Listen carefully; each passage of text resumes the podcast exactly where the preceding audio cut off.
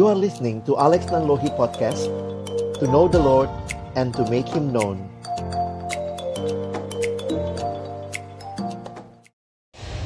Mari kita berdoa sebelum membaca merenungkan firman Tuhan. Biarlah pujian kami menyatakan kerinduan kami. Tuhan berbicaralah. Sapalah kami dengan kebenaran firman-Mu Supaya sungguh setiap kami Bukan hanya menjadi anak-anak yang terbiasa mengikuti ibadah Tetapi kami lupa Kami tidak menyadari bahwa sebenarnya engkaulah sendiri yang telah mengundang kami. Engkaulah sendiri yang berkenan menyapa kami dengan firman-Mu. Pagi hari ini, biarlah kebenaran firman-Mu boleh dinyatakan sekali lagi. Tuhan menolong baik hamba yang menyampaikan, setiap kami yang mendengarkan. Tuhan tolonglah kami semua. Agar kami bukan hanya menjadi pendengar-pendengar firman yang setia, tapi mampukan dengan kuasa dari rohmu yang kudus. Kami dimampukan menjadi pelaku-pelaku firman-Mu di dalam hidup kami, di dalam masa muda kami. Bersabdalah ya Tuhan, kami anak-anakmu sedia mendengarnya. Di dalam satu nama yang kudus, nama yang berkuasa, nama Tuhan kami Yesus Kristus, Sang Firman yang hidup. Kami menyerahkan pemberitaan firman Amin. Shalom. Selamat pagi teman-teman sekalian. Kita bersyukur buat hari ini kita boleh beribadah bersama-sama dan kesempatan pagi ini kita akan merenungkan bagian firman Tuhan dalam tema saya beri judul Loving God, Loving Others ya. Dan sama-sama kita akan melihat di dalam satu bagian firman 1 Yohanes pasal yang ketiga kita akan membaca ayat yang pertama sampai dengan ayatnya yang ke-24. Satu perikop ya. Saya akan nanti highlight beberapa hal. 1 Yohanes pasal 3 ayat 1 sampai ayat yang ke-24. Rasul Yohanes menulis surat ini kepada jemaat yang diperkirakan ada di sekitar Efesus pada waktu itu. Apa yang menarik? Kebiasaan Rasul Yohanes menulis agak berbeda dengan tulisan-tulisannya Rasul Paulus. Jadi kalau nanti teman-teman tertarik membaca lebih jauh, Rasul Yohanes menulis menulisnya uh, tidak terlalu kronologis secara logika berpikir, tetapi dia menulisnya di banyak diulang. Allah adalah kasih. Barang siapa di dalam Allah, dia tetap mengasihi sebab Allah adalah kasih. Jadi banyak hal yang seperti itu di dalam tulisannya Rasul Yohanes. Agak berbeda dengan tulisannya Rasul Paulus. Nah, dia menuliskan untuk meneguhkan jemaat. Pada waktu itu ada kondisi ajaran-ajaran yang tidak sehat. Jadi kembali lagi apa yang dia sampaikan, kalau teman-teman baca nanti seluruh kitab 1 Yohanes, ini adalah hal-hal mendasar di dalam iman orang percaya, ya.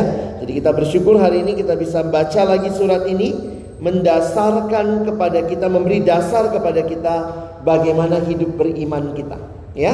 Mari kita baca bergantian. Saya baca ayat 1, teman-teman baca ayat 2, kita berbaca bergantian sampai ayat 24. Kita baca dengan tenang saja supaya kita bisa mengerti ya, tidak usah kejar-kejaran. Saya mulai ayat 1. Lihatlah betapa besarnya kasih yang dikaruniakan Bapa kepada kita sehingga kita disebut anak-anak Allah dan memang kita adalah anak-anak Allah. Karena itu dunia tidak mengenal kita sebab dunia tidak mengenal Dia.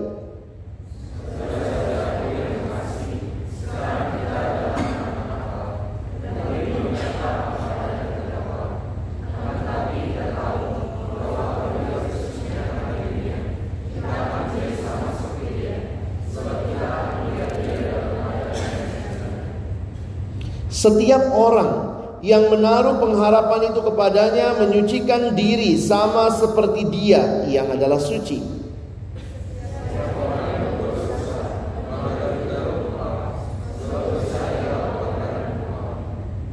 Dan kamu tahu bahwa ia telah menyatakan dirinya supaya ia menghapus segala dosa dan di dalam dia tidak ada dosa.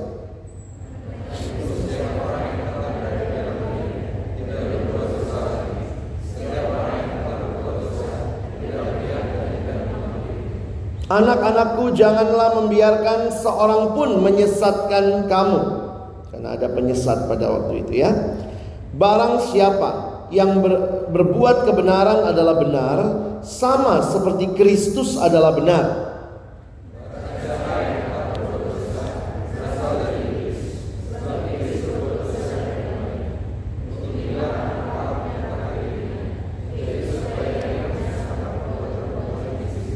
Setiap orang yang lahir dari Allah tidak berbuat dosa lagi, sebab benih ilahi tetap ada di dalam dia dan ia tidak dapat berbuat dosa karena ia lahir dari Allah.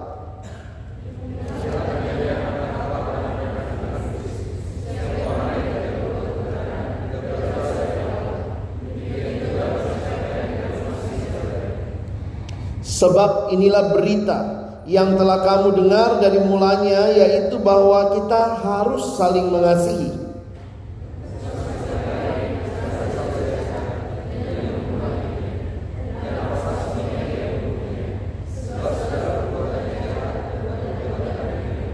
Janganlah kamu heran, saudara-saudara, apabila dunia membenci kamu.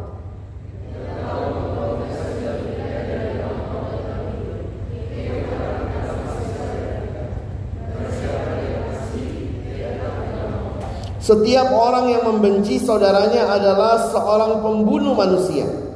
Dan kamu tahu bahwa tidak ada seorang pembunuh yang tetap memiliki hidup yang kekal di dalam dirinya.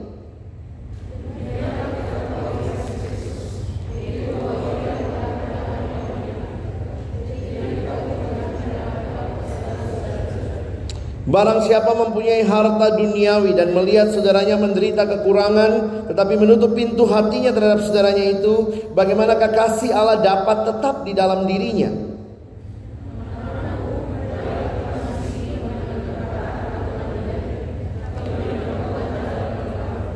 Demikianlah kita ketahui bahwa kita berasal dari kebenaran.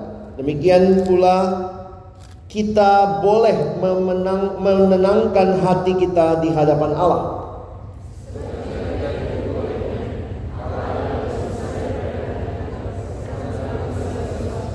Saudara-saudaraku yang kekasih, jikalau hati kita tidak menuduh kita, maka kita mempunyai keberanian percaya untuk mendekati Allah.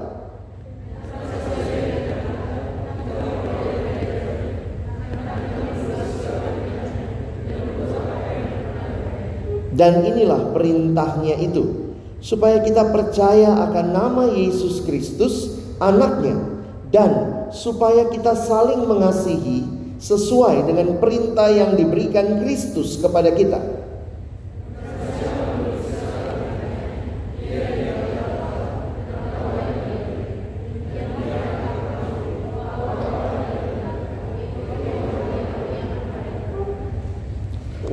Ini satu surat yang bagi saya sangat luar biasa.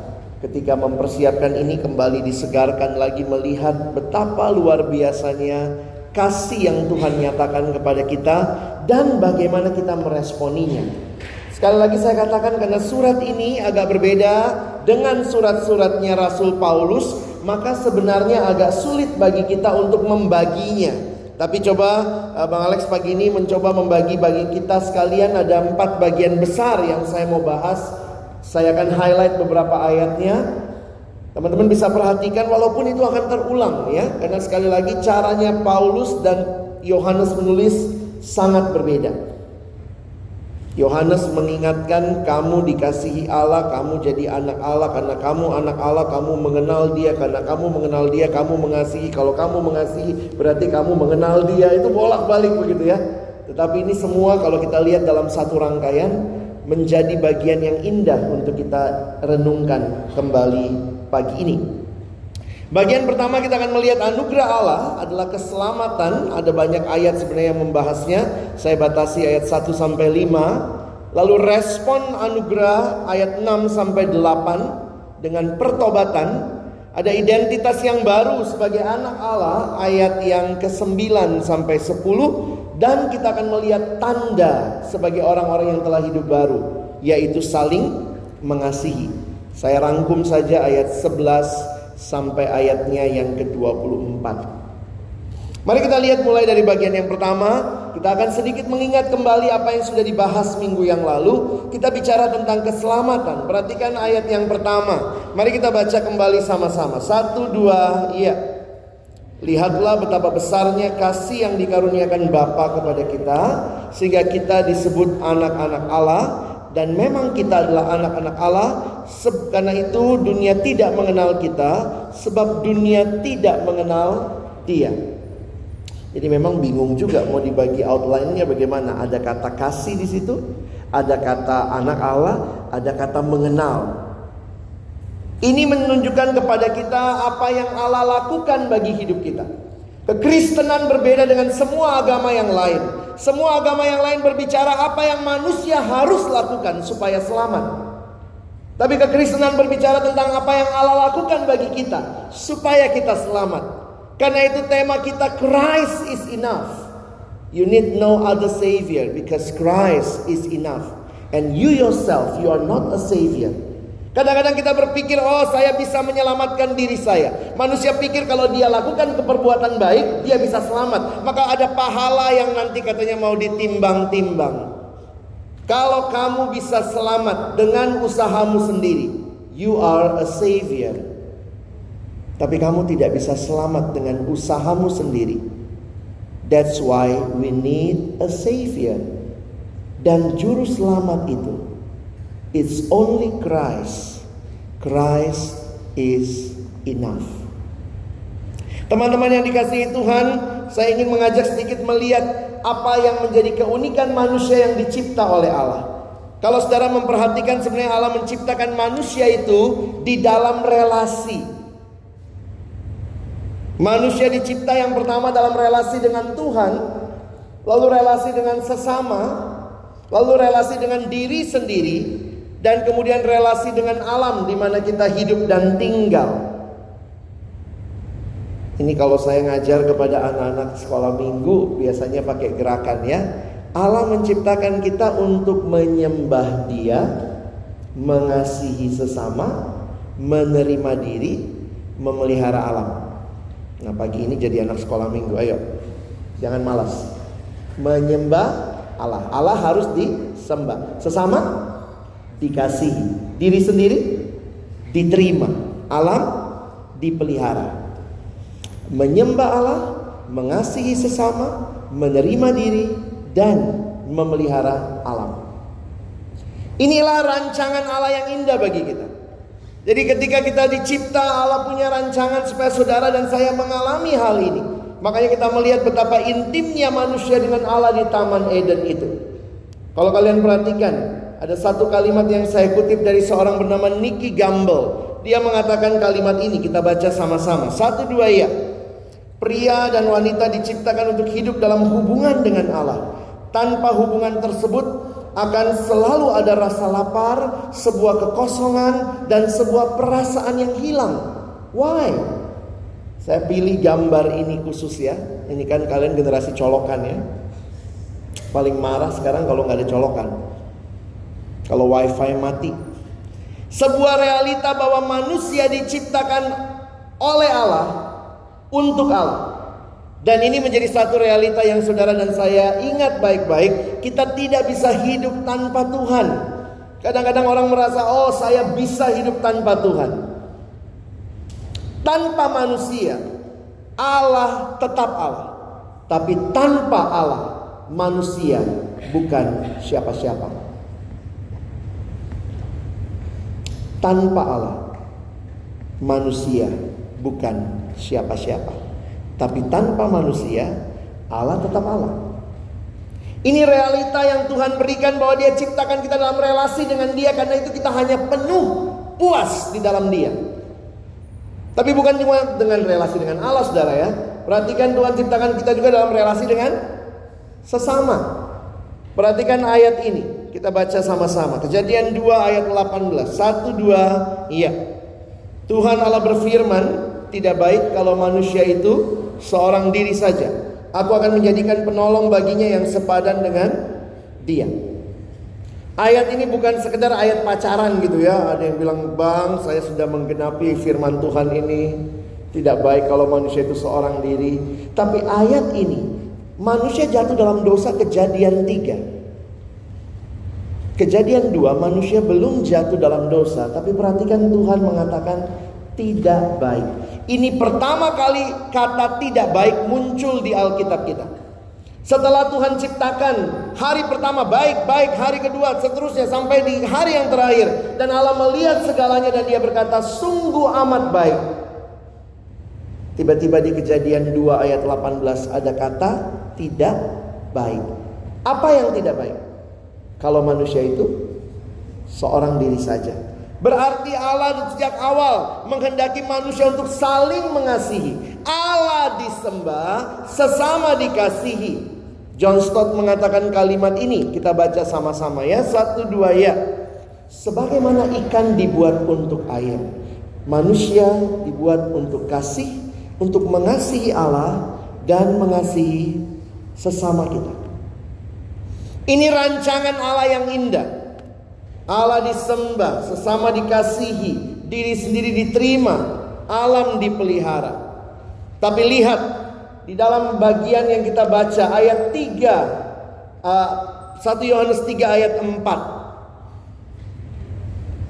Setiap orang yang berbuat dosa melanggar juga hukum. Kata dosa yang dipakai di situ adalah kata hamartia. Jadi teman-teman saya harus katakan bahwa di dalam Alkitab ada banyak istilah yang menggambarkan dosa.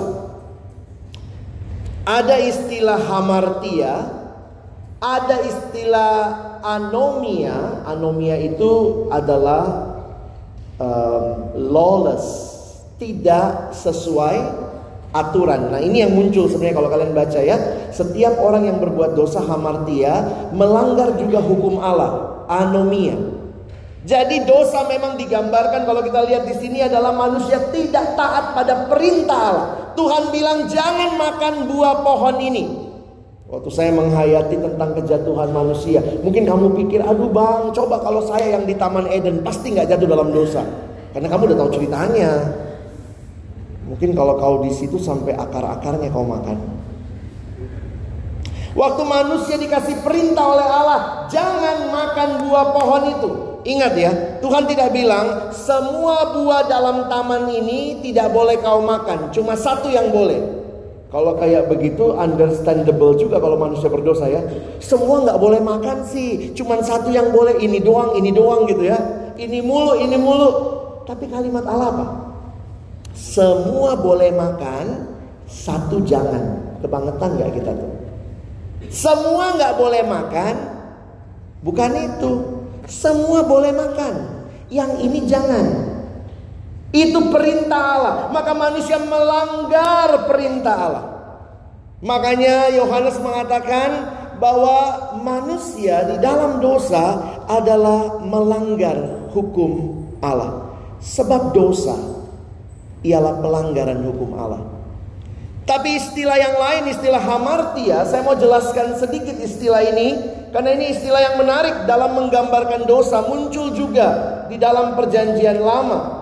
Saudara perhatikan istilah hamartia sebenarnya menggambarkan manusia yang meleset dari sasaran. Jadi misalnya kalau kalian perhatikan, kalau orang memanah itu bagusnya kena bidang panah yang paling tengah. Harusnya begitu. Jadi kalau dia memanah, harusnya kena yang paling tengah. Itulah yang tepat sasaran. Tetapi Alkitab menggunakan istilah hamartia meleset dari sasaran. Saya pegang apa nih? Ini namanya pointer. Gunanya apa? Untuk anak sekarang bingung ya, untuk next next slide. Dari mana kamu tahu gunanya itu? Kita tahu karena mungkin waktu kamu beli benda elektronik ini atau kamu mesti lihat kamu punya buku panduannya, buku manualnya. Siapa yang keluarin buku manualnya? Yang ciptakan. pencipta mengeluarkan buku manual supaya tahu ini dipakai untuk apa. Seandainya, misalnya ya, ini apa kalau kamu orang kampung banget? Gak pernah lihat pointer seumur-umur. Apaan sih itu? Oh kamu bilang oh ini untuk gatel. Hah? Untuk gatel? Iya kalau gatel Apakah pointer mencapai tujuannya dicipta?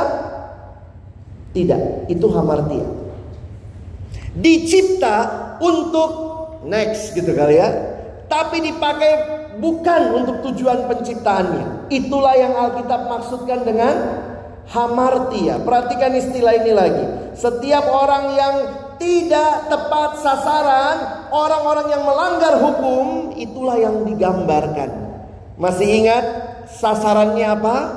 Allah disembah, sesama dikasihi, diri sendiri diterima, alam dipelihara. Waktu meleset dari sasaran gimana? Luar biasa bodohnya manusia. Teman-teman memang dosa itu bikin kita goblok. Ayo bilang sama sebelahnya. Dosa bikin kita goblok. Ayo bilang. kita ya bukan kau. Jangan ini kesempatan oh dosa memang kau goblok. Enggak, dosa bikin kita masuk kamu. Bayangkan ya. Harusnya Allah disembah. Di dalam kitab Kejadian pasal 3 Allah malah dibuang. Manusia ketika mendengar langkah Allah di taman, Alkitab mencatat Adam lari bersembunyi. Dia pikir Tuhan mau main petak umpet ya. Saya waktu rahayati itu ya Tuhan tuh ngerti banget ya. Tuhan juga kayak ladenin gitu ya. Tuhan tanya Adam di mana engkau? Kayak Adam udah belum? Tuhan tahu nggak sih Adam di mana? Tahu ya? Dia Allah yang maha tahu. Tetapi kenapa Tuhan tanya Adam di manakah engkau? Seorang hamba Tuhan memberikan penjelasan itu bukan pertanyaan tentang lokasi. Adam di manakah engkau? That is not a question of place. Tapi itu sebuah pertanyaan. Adam engkau tidak berada pada tempat yang seharusnya. Misplace. Harusnya aku kau sembah. Engkau melanggar perintahku. Jadi kalau teman-teman memperhatikan memang ngeri ya. Di dalam dosa Allah dibuang. Sesama harusnya dia apa? Dikasih. Perhatikan apa yang terjadi waktu Adam ditanya Adam kau makan buah pohon itu. Adam tunjuk siapa? Perempuan. Coba nih kalau saya bingung apa Adam nggak ngerti ya kalimat Tuhan ya. Adam nggak ngerti bahasa Indonesia kali ya. Coba kalau saya tanya, teman-teman tadi pagi makan nggak? Ayo jawab. Ya atau tidak? Ini ditanya, Adam, kau makan buah pohon itu? Perempuan. Gimana tuh logikanya? Dia bilang, perempuan yang kau tempatkan di sisiku. Siapa yang Adam salahin? Perempuan dan Tuhan. Perempuan yang kau tempatkan di sisiku. Tuhan singa-singa si cewek. No woman, no cry. Adam menyalahkan Tuhan. Perempuan yang kau tempatkan di sisiku, dialah yang memberi aku makan dari buah pohon itu, makanya aku makan.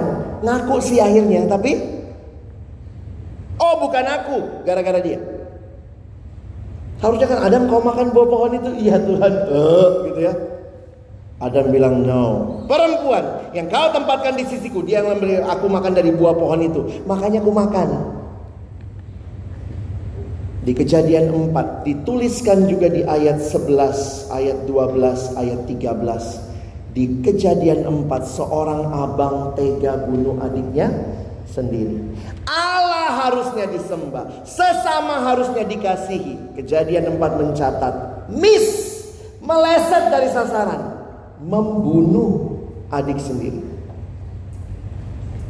Inilah yang terjadi ketika manusia rusak relasinya dengan sesama. Allah ciptakan banyak relasi. Suami sama istri, orang tua, anak, majikan, pekerja, dosen. Oh, itu kok guru siswa ya. Ini slide anak SMA nih. Ini yang terjadi. Saling menyalahkan, saling membunuh, saling mengeksploitasi. Tidak heran Alkitab mencatat upah dosa adalah maut. Sampai di titik ini, saudara dan saya tidak ada jalan keluar. Kalau kau bisa selamatkan dirimu sendiri, please have a go. Please try. No. Karena itu waktu saya menyadari akhir dari dosa. Dosa di Alkitab cuma dibilang upah dosa adalah maut. Titik. Binasa kekal.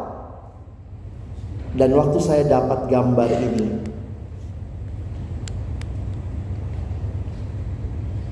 kalau kalian googling, ini judulnya Peter Drowning, Petrus tenggelam. Itu gambar ada Yesus di luar air. Jangan kau pikir Yesus sang tenggelam ya. Yang salah lihat. Itu gambarnya Petrusnya tenggelam, makanya Petrusnya nggak kelihatan. Kita Petrusnya gitu ya. Nah Yesus dari luar air mengulurkan tangannya. Teman-teman waktu saya dapat gambar ini awalnya nggak ngerti ya di satu gereja saya lihat, saya perhatikan, saya googling, akhirnya saya menyadari iya ya. Memang gambar ini bukanlah segalanya, tetapi gambar ini memberikan satu pemahaman yang menarik. Manusia tidak dapat selamatkan dirinya sendiri. Dosa itu masalah kita. Sin is our problem, but the solution is from God. If you have the solution, you are the savior. Kenapa kita selalu berkata cukup anugerah Tuhan, Christ is enough because we we are not we are not a savior. Kita bukan juru selamat. Are you searching for the answer to life?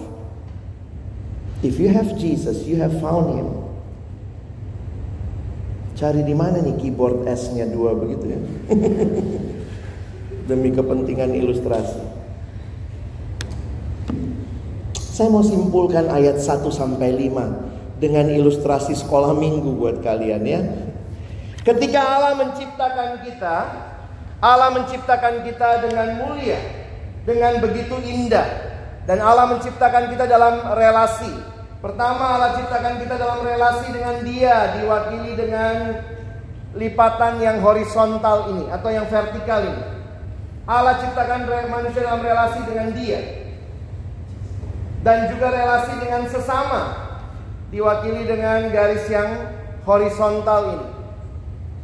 Allah ciptakan manusia dalam relasi dengan diri sendiri. Kita harusnya menerima diri saya banyak layani anak SMA komplain terus, Tuhan kenapa saya begini? Banyak orang sulit terima diri, selalu compare sama orang lain. Lihat orang cantik bukannya bersyukur, malah marah. Ih, cantik banget sih. Lucu ya? Secara tidak langsung kamu komplainnya sama siapa? Sama Tuhan. Kenapa dia sangat cantik? Saya begini aja. Lihat orang pintar, Pinter banget sih jatuh geger otak hilang semua. Sampai bisa nyampai. Itu manusia ya. Ngeri banget. Saya ulangi. Allah ciptakan kita dalam relasi dengan dia. Garis yang hori, eh, yang vertikal. Dalam relasi dengan sesama. Dalam relasi dengan diri sendiri. Dan juga dalam relasi dengan alam. Dosa adalah manusia melanggar hukum Allah. Dosa adalah manusia tidak tepat dengan sasaran yang Allah tentukan. Karena itu dosa digambarkan seperti menghancurkan, merobek-robek apa yang menjadi eksistensi kehidupan manusia. Inilah manusia yang menikmati dan hidup di dalam dosa, memilih berontak kepada Allah. Kalau kamu punya kertas macam begini, mau diapain? Buang ya. Setuju? Nggak ada gunanya. Kalau demikian apakah wajar nggak sih Tuhan buang kita? Waktu kita diciptakan begitu indah, lalu jatuh dalam dosa, ya udahlah buang aja. Saya pikir sangat wajar Tuhan buang kita. Sayangnya dia bukan Tuhan yang seperti itu. Tuhan memberikan kepada kita jalan keluar atas pergumulan dosa yang saudara dan saya tidak bisa selesaikan. Karena itu dia memberikan anaknya Yesus Kristus bagi kita melalui karya salib. Bukan rencana Allah kita hancur. Dia mau kita kembali kepada Dia. Karena itu perhatikan baik-baik. Bukti kasih Allah bagi orang berdosa adalah memberikan Yesus Kristus anaknya yang tunggal. Allah menebus manusia melalui pengorbanan anaknya Yesus Kristus. Satu-satunya jalan keselamatan kepada Allah. Ada jalan lain? Kalau kamu ketemu jalan lain tolong kasih tahu saya. Sayangnya there is no other way. Puncak pengorbanan Kristus. Di mana Yesus bilang sudah selesai? Teman-teman, waktu saya baca ayat ini, apa saya lihat gambar ini, ini siluetnya hidup Yesus. Di mana Yesus bilang sudah selesai? Di kayu salib. Yesus tidak bilang sudah selesai di palungan. Kalau dia bilang di palungan lari kali itu ya, gembala-gembala ya. Ada anak kecil ngomong udah selesai gitu ya, lari. Kalau dia datang untuk lahir, selesainya di palungan. Tapi dia datang bukan untuk lahir saja. Dia datang untuk menyelamatkan engkau dan saya dari dosa. Karena itu puncak karyanya di kayu salib. Dia berkata, "Sudah selesai." Saya mengutip kalimat pendeta almarhum Billy Graham. Dia mengatakan salib adalah bukti termulia dari kasih Allah. Salib menyingkapkan kasih terbesar di dalam dunia. Dengan matinya Yesus di kayu salib, dia mengorbankan dirinya Sebenarnya dia cuma mau mengatakan satu hal bagi engkau dan saya. Aku mengasihi. Saya suka kumpulin gambar ya. Jesus loves you? No question.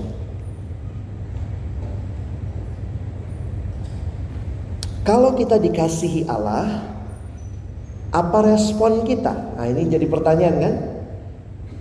Apa responmu atas anugerah Allah yang engkau dan saya alami? Kita bukan juru selamat, tapi kita diselamatkan. What should be our response? Perhatikan sebentar, saya tidak bisa bahas semua ayat waktu waktu kita sangat terbatas. Kita lihat ayat yang ke-6. Mari pria baca ayat yang ke-6, wanita baca ayat yang ke-9.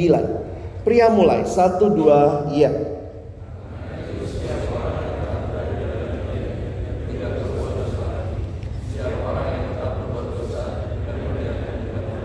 Yang perempuan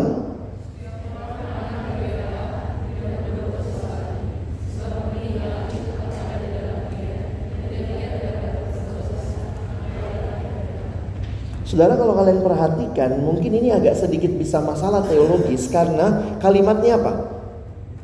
Semua orang, setiap orang yang tetap berada di dalam dia tidak berbuat dosa lagi. Setiap orang yang lahir dari Allah tidak berbuat dosa lagi.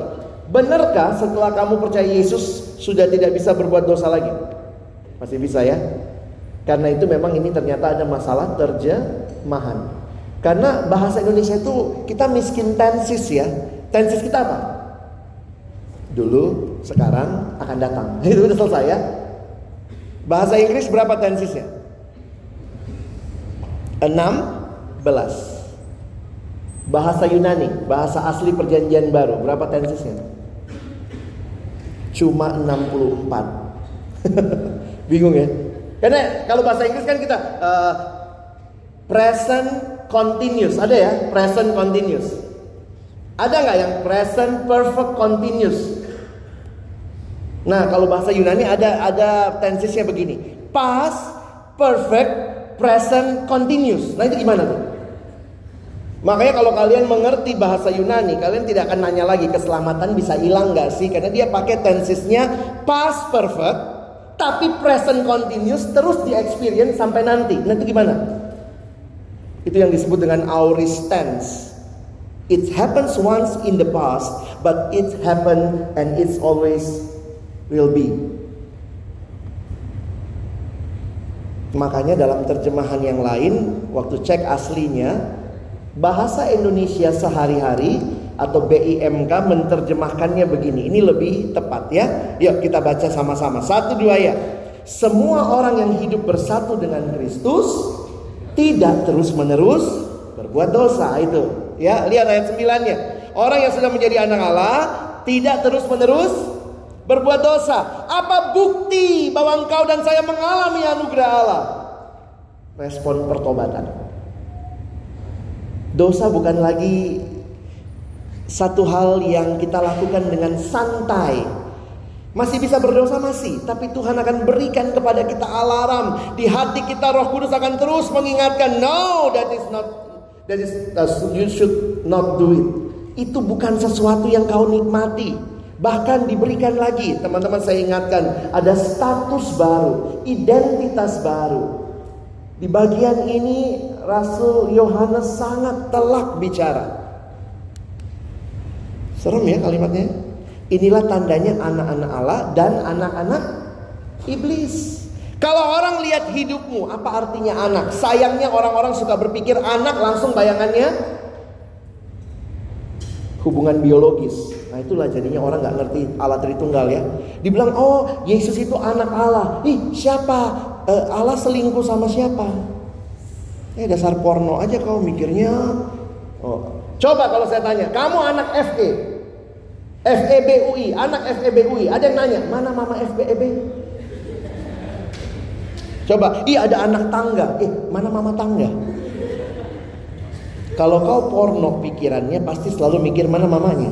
Selingkuh sama siapa?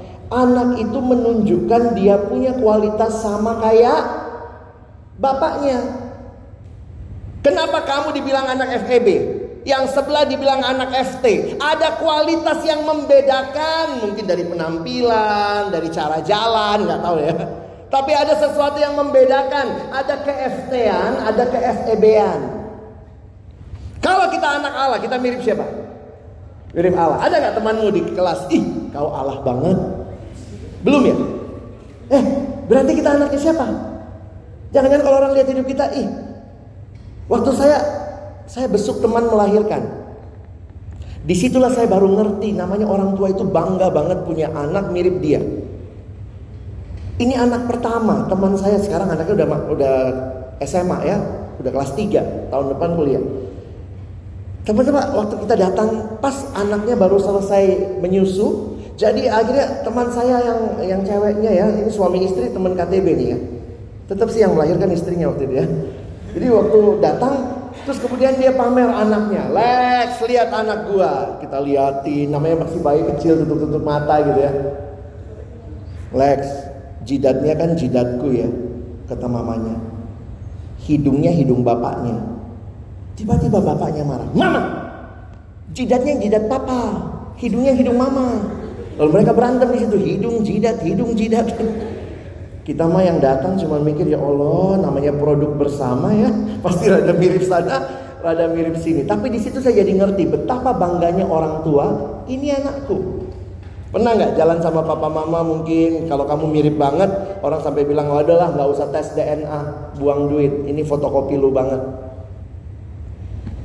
Kalau kita anak Allah kita mirip Allah. Waktu orang lihat hidup kita harusnya orang bilang ih lu ngaku deh lu pasti anak Allah. Udah ada yang begitu nggak di kampus Berarti kamu anak siapa?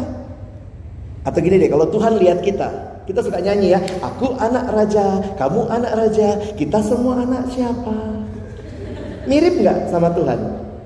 Kalau saya alami anugerah Allah, maka tandanya saya anak Allah, itu identitas baru saya, maka saya akan punya hidup yang mirip seperti Allah. Tapi kalau orang lihat hidupmu langsung bilang dasar lu anak setan, Berarti lebih kelihatan kesetananmu. Di sini saya mengerti ayat ini luar biasa. Rasul Yohanes mengatakan, kalau ini Yohanes logikanya begini, kalau kau mengalami kasih Allah, berarti kamu maka dia bilang tadi ya, ayat yang dibacain oleh MC kita, bukan kita yang mengasihi Allah, tapi Allah yang mengasihi kita. Kalau kita alami kasih Allah, kita di dalam Dia, kita namanya anak Allah. Kalau kita anak Allah berarti kita kenal Allah. Kalau kita kenal Allah, kita mirip kayak Allah. Karena itulah Yohanes melanjutkan apa tandanya kalau kamu anak Allah? Saling mengasihi.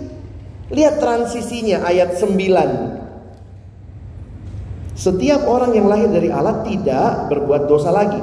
Betul ya sampai situ ya. Lihat ayat 10. Tadi ayat 10 ya. Dia katakan, inilah tandanya anak-anak Allah dan anak-anak iblis. Setiap orang yang tidak berbuat kebenaran tidak berasal dari Allah. Demikian juga barang siapa yang tidak mengasihi saudaranya. Jadi kalau kita perhatikan salah satu tanda anak Allah, tanda hidupnya sudah hidup baru adalah dia saling mengasihi.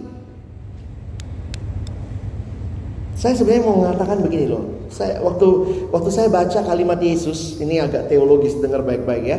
Waktu baca kalimat Yesus, Yesus bilang apa? Kasihilah Tuhan Allahmu dengan segenap hatimu, kasihilah sesama manusia. Tapi waktu baca Yohanes, Yohanes bilang begini, bukan kita yang lebih dahulu mengasihi Allah, tapi Allah yang lebih dahulu mengasihi kita. Kalau begitu logikanya bagaimana? Tuhan Yesus bilang kan kasihi Tuhan Allahmu, kasihi sesamamu. Tapi Yohanes bilang kita nggak mungkin mengasihi Allah, Allah yang mengasihi kita.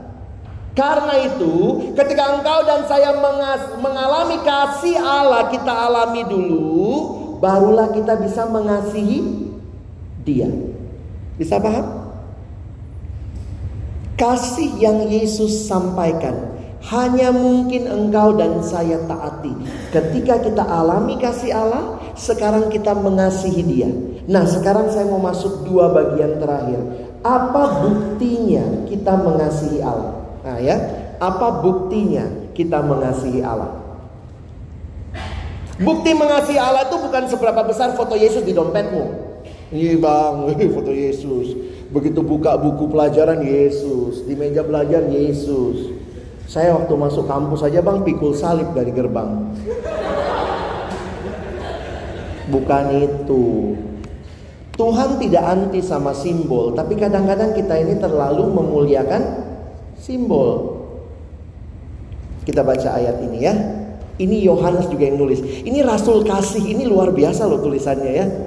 Coba kita baca sama-sama Yohanes 14 ayat 15. Satu dua ya. Jikalau kamu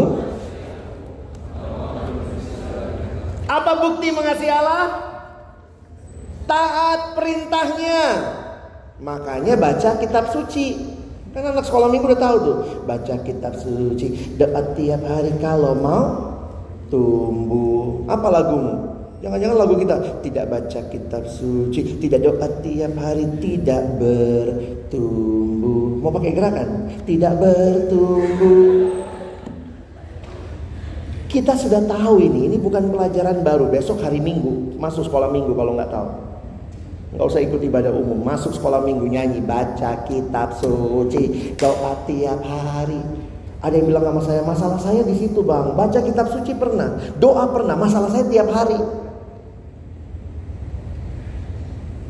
Bukti mengasihi Allah menuruti firman-Nya. Ada lagunya kan? Aku mengasihi engkau Yesus dengan segenap hatiku. Orang Kristen kalau nyanyi bisa sambil tutup mata gitu ya. Wah, aku mengasihi engkau Yesus dengan segenap hatiku. Apa buktinya? Refrennya bilang apa? Ku renungkan firmanmu siang dan malam padahal nggak pernah. Ku pegang perintahmu dan ku lakukan asal nggak susah. Engkau tahu ya Tuhan tujuan hidupku hanyalah untuk menyenangkan hatimu dan hatiku. bukti mengasihi Allah. Kita taat perintahnya. Saya kaget nih, rasul yang sama di pasal yang kelima. Coba lihat sebentar ya. Aduh, Rasul Yohanes ini bikin kita tertantang sekali. Saya baca ayat 2, kalian baca ayat 3 ya. Masih di satu Yohanes. Abang baca ayat 2, kalian baca ayat 3.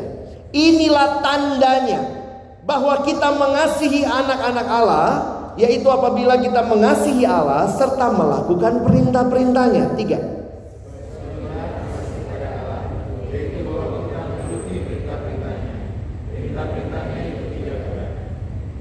Saya dapat ayat ini kelas 1 SMA hampir saya buang Alkitab ini. Perintahnya berat apa tidak? Ayo, jujur ngomong. Perintah Tuhan berat? Tidak berat? Jangan-jangan salah cetak. Saya cek Alkitab lain. Perintahnya tidak berat. Hah? Keluarin tipex, perintahnya berat. Tapi saya mengerti akhirnya apa. Kalau orang mengasihi, maka perintah dari orang yang dia kasihi itu jadi tidak berat. Bayangkan nah misalnya ya kamu pulang nih ya. Terus kemudian eh, pacarmu telepon. Ini laki-laki lah bayangannya. Lu pacarmu telepon. Ting, ting, ting, bunyi, wih pacar telepon diangkat nggak? Sebelumnya temanmu telepon, kau nggak angkat. Ada teman telepon, ah, aduh ini pasti anak ini mau minta apa lagi gitu ya. Teman telepon nggak diangkat. Katanya lagi capek, habis pulang inside. Teman sebelah kosan ketuk kamar, tolongin gua dong, anterin lu beliin ini gue sakit kepala nih beliin panadol ke depan dong warung depan aduh sakit banget kepala gue lu bisa tolong nggak aduh aku capek banget baru pulang insight nih banyak firman eh terus pacar akhirnya telepon diangkat nggak kan lagi capek oh daripada diputusin ya angkat ya halo Ayah gimana? Udah selesai acaranya? Udah. Eh, lagi capek dong pasti ya.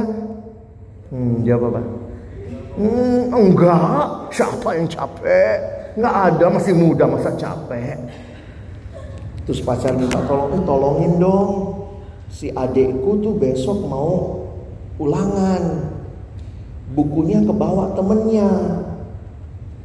Kamu kan bisa nemenin aku nggak ambil bukunya?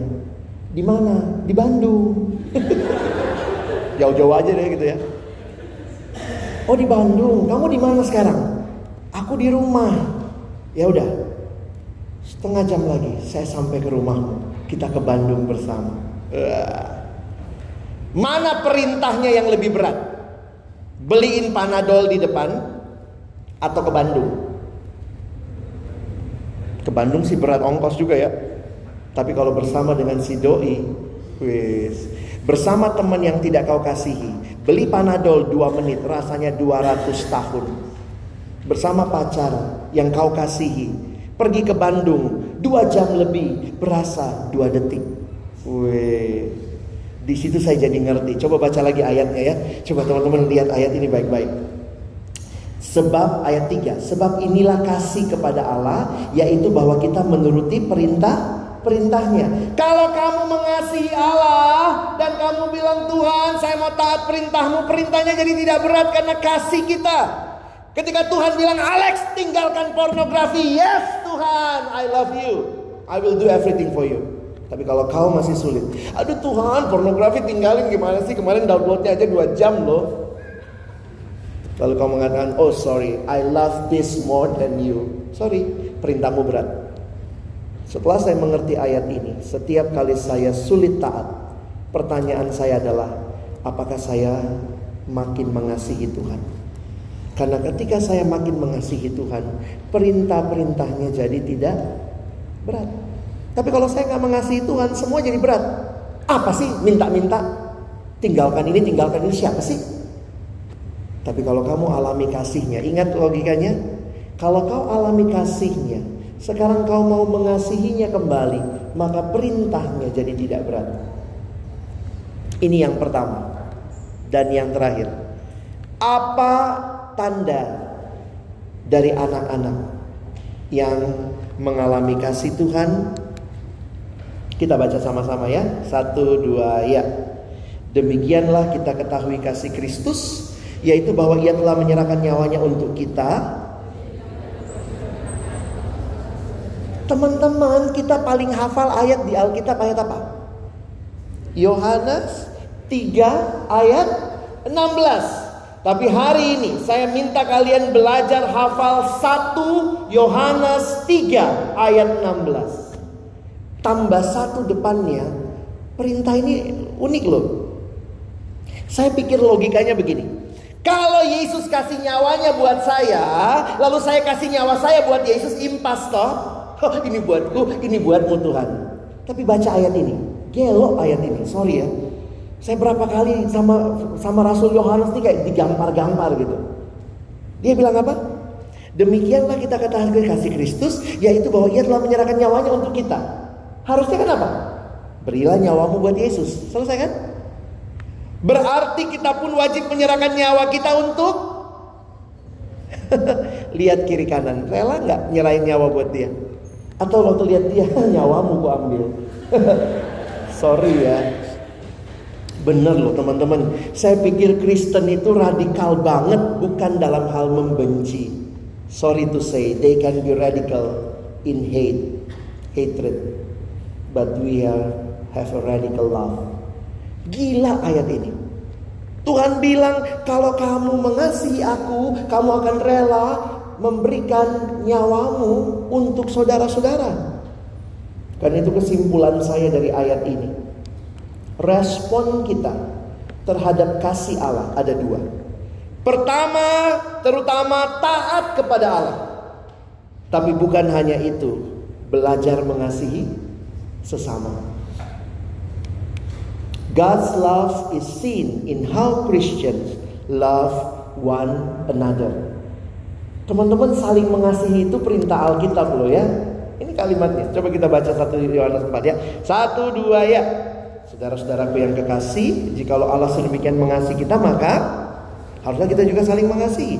Tidak ada seorang pun yang pernah melihat Allah. Jika kita saling mengasihi, Allah tetap di dalam kita dan kasihnya sempurna di dalam kita. Makanya setelah kamu percaya, kamu harusnya menikmati komunitas yang Tuhan berikan.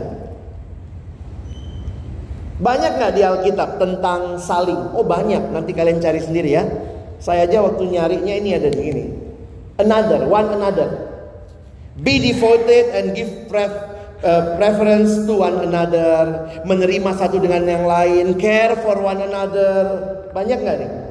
Banyak ya? Kurang banyak. Nih saya tambahin. One anothering. That's why saya dorong kita. Kalau kau sudah sungguh-sungguh percaya, nikmati komunitas Allah. Saya tutup dengan kita baca ya slide ini ada beberapa slide lagi nanti saya tutup dengan itu ya. Eugene Peterson mengatakan kita adalah sebuah komunitas. Kita tidak pernah hidup sendiri dan bagi diri sendiri. Kita dilahirkan dalam komunitas, kita tinggal dalam komunitas, kita meninggal dalam komunitas. Natur manusia bukanlah hidup menyendiri. That is not our nature. Karena itu nasihat firman Tuhan juga harusnya mengingatkan kita. Kamu butuh satu sama lain. Bersyukur ya, di kampus kita ada persekutuan seperti ini. Mungkin kau pikir wah udahlah santai aja, gue udah masuk FA, apa yang gue cita-citain dapet. Tapi mari belajar melihat Tuhan pun sediakan komunitas If you love God, then you will love one another. Seorang bernama Santo Agustinus, orang Katolik pasti kenal sekali sama Santo Agustinus. Satu kali dia ditanya, bagaimana bentuk dan rupa kasih? Lalu Agustinus menjawab, kasih memiliki tangan untuk menolong orang lain. Kasih memiliki kaki untuk menghampiri mereka yang miskin. Kasih memiliki mata untuk melihat kebutuhan-kebutuhan orang lain. Dan kasih memiliki telinga untuk mendengar rintihan mereka yang menderita. Demikianlah rupa kasih. Akhirnya saya sadar, love is not something for us as a concept, but love is action. And who will do that? God has proved his love. Karena itu kita pun harus membuktikan kasih itu. Kristen tidak bicara kasih yang abstrak. Karena Yesus pun mengasihi kita tidak abstrak. Dia kasih nyawanya. Oke, kita baca ayat terakhir ya sama-sama. Apa yang dinasehatkan firman Tuhan bagi kita? Satu, dua, ya. Janganlah kita menjauhkan diri dari pertemuan-pertemuan ibadah kita seperti dibiasakan oleh beberapa orang, tetapi marilah kita saling menasehati dan semakin giat melakukannya menjelang hari Tuhan yang Udah banyak nggak orang yang dari dulu suka malas? Ada juga nih ya. Seperti dibiasakan oleh beberapa orang. Tapi penulis kitab Ibrani mendorong nikmati komunitas, saling menasehati dan menjelang hari Tuhan semakin giat melakukannya. Dalam hidup saya Tuhan hadirkan dua keluarga. Pertama keluarga kandung fisik natural saya. Tapi yang kedua yang saya syukuri Tuhan hadirkan keluarga spiritual, keluarga rohani. Dan salah satu yang saya nikmati adalah ketika saya ada di kampus. Tentu saya dari daerah ya, jadi orang-orang gereja saya dari daerah kan nggak mungkin saya ajak pindah semua ke sini ya. Ayo om tante, ya, menemani saya kuliah di UI, yuk pindah semua. Tapi ketika saya masuk ke sini, sebenarnya waktu saya masuk namanya anak kampung ya teman-teman. Saya dari daerah waktu itu saya punya tiga doa. Tuhan kasih saya komunitas, eh, kasih saya tempat kuliah yang baik, kasih saya persekutuan yang baik, dan yang ketiga kasih saya gereja yang baik. Tuhan jawab, Tuhan kasih saya kuliah yang baik, Tuhan kasih saya komunitas di kuliah. Itu teman-teman rohani saya. Sampai hari ini kami masih bersahabat, kami masih saling menopang, saling mendukung. Dan yang terakhir Tuhan berikan saya juga tempat ibadah gereja yang baik. Tuhan merindukan bukti kita mengasihi Dia.